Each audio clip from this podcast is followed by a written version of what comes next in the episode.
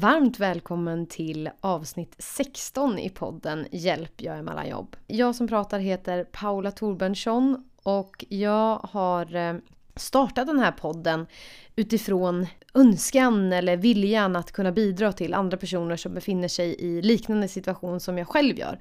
Och kunna då bidra med tips och tricks för att man ska kunna göra den här jobbsökarperioden så bra som möjligt. Och ett steg i den riktningen är faktiskt att jag tillsammans med en annan person har tidigare anordnat någonting som vi kallar för jobbsökarbuddy-event. Eh, där man matchar ihop då personer som är arbetssökande för att då kunna stötta varandra. Och det här är det som jag tänkte att jag ska prata lite mer om i dagens avsnitt. Och det blir kanske ett lite kortare avsnitt.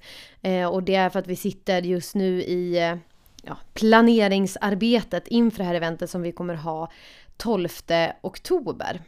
Och jag har även eh, haft besök av min egna jobbsökarbuddy Sara Hoff. Och eh, skulle du vilja lyssna mer på det så kan du gå tillbaks och lyssna på avsnitt 6 i eh, podden. Men i korta drag då, vad, vad handlar det här om? Och ja, det handlar någonstans om att jag och eh, Sara som tidigare jobbade på eh, samma arbetsplats, vi ja, av olika anledningar blev eh, uppsagda på grund av arbetsbrist. Och har någonstans funnit varandra i den här processen. Så vi har gått från att vara arbetskollegor till att numera vara jobbsökarbuddies. Och det som jag tycker är så himla bra på ett sätt, kanske låter konstigt, men är ju att ha en annan person som också är i, i liknande situation som en själv.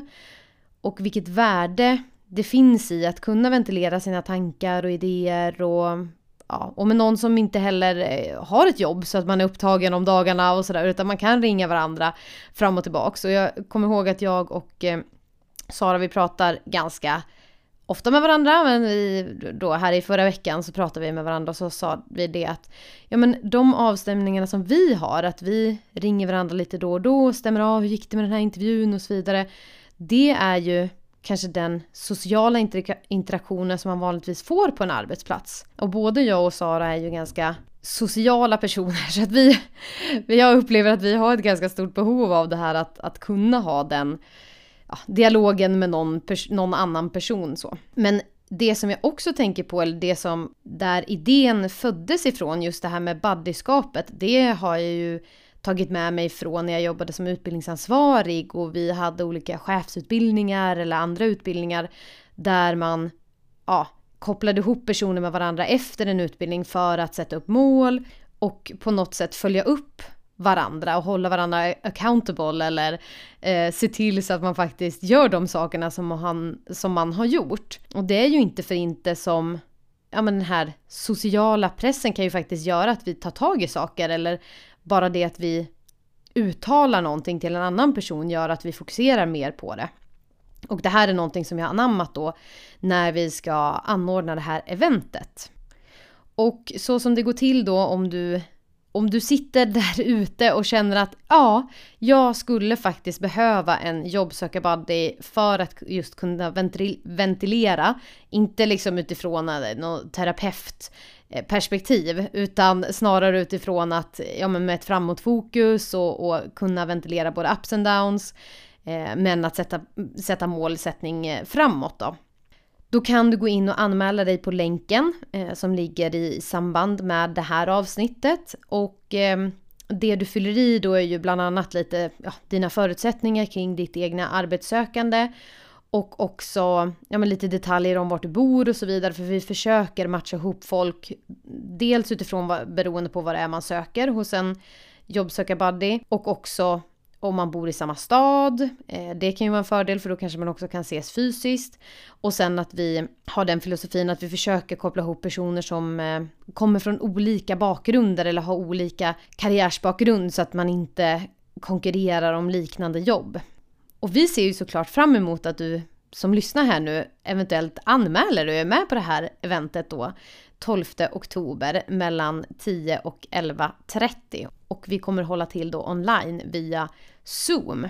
Och kanske att du redan har sett det då på, på LinkedIn eh, där vi också har lagt ut en, en video kring det här. Superkul om du redan har anmält dig, då ser vi fram emot att få eh, prata mer med dig och, och träffa dig då. Och skulle det vara så att det dyker upp några frågor eller funderingar relaterat till det här så kan du alltid höra av dig på mejlen då eh, som är hjälp jag är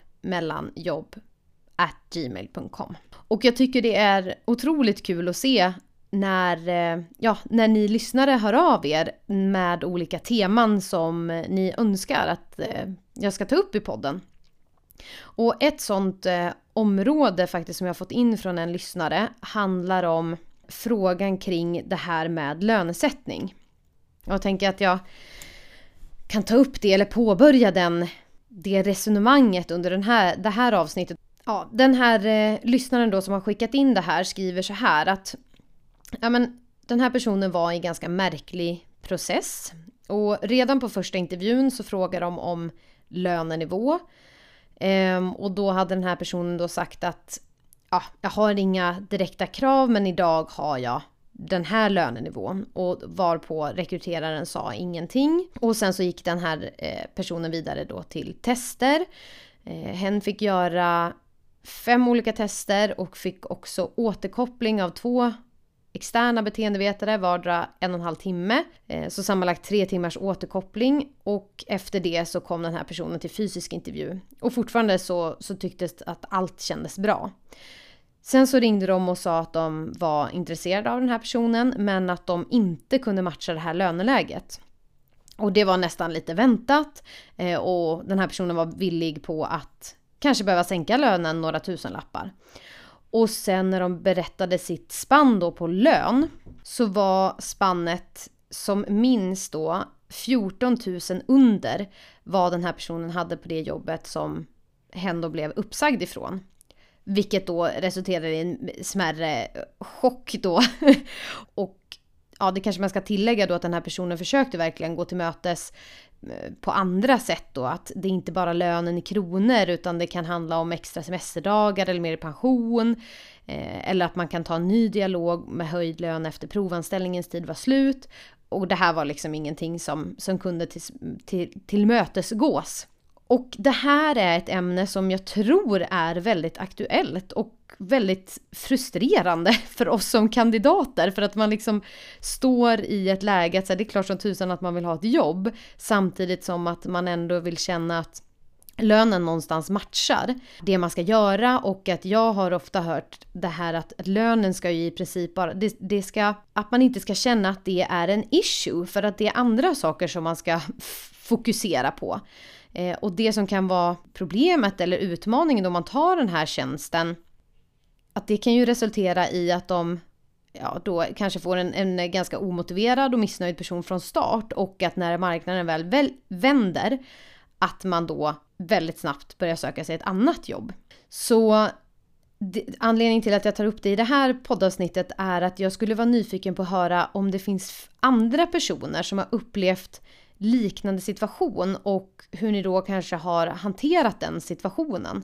För att ja, här behöver man kanske hjälpa varandra i hur man ska tänka och hur mycket, hur mycket kan man ställa då som, som krav som kandidat. Och det har vi också varit inne på i tidigare avsnitt, i avsnitt 9 som vi pratar om just vilka krav man kan ställa som kandidat. Och det här är ju högst aktuellt att prata kring.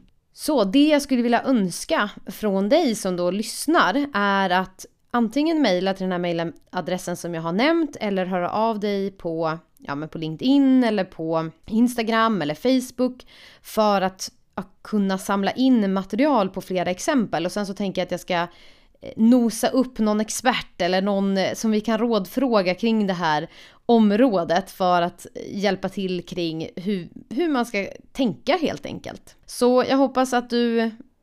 Jag hoppas ju inte att det här är ett problem för dig, utan jag hoppas ju såklart att du har fått den, eller kommer få den lönen som, som du önskar och på en roll som du, som du vill ha såklart. Men jag tror att det finns flera exempel som vi kan samla in och eh, utgå ifrån när vi pratar vidare kring det här området. Ja, det var egentligen det jag hade för den här gången och eh, jag talar för både mig och eh, Sara då, min jobbsökarbuddy, att vi ser otroligt mycket fram emot att köra det här eh, jobbsökarbuddy-eventet 12 oktober. Se till att gå in redan nu och anmäl dig via länken. Sista anmälningsdag är 10 oktober så se till och anmäl dig innan dess. Eller tipsa någon annan som eventuellt skulle kunna vara intresserad och eh, ja, behöva det här eventet eller behöva en, en egen jobbsökarbuddy. Hoppas du har en fantastiskt fin vecka och att vi hörs igen i nästa avsnitt. Ta hand om dig nu. Hej då!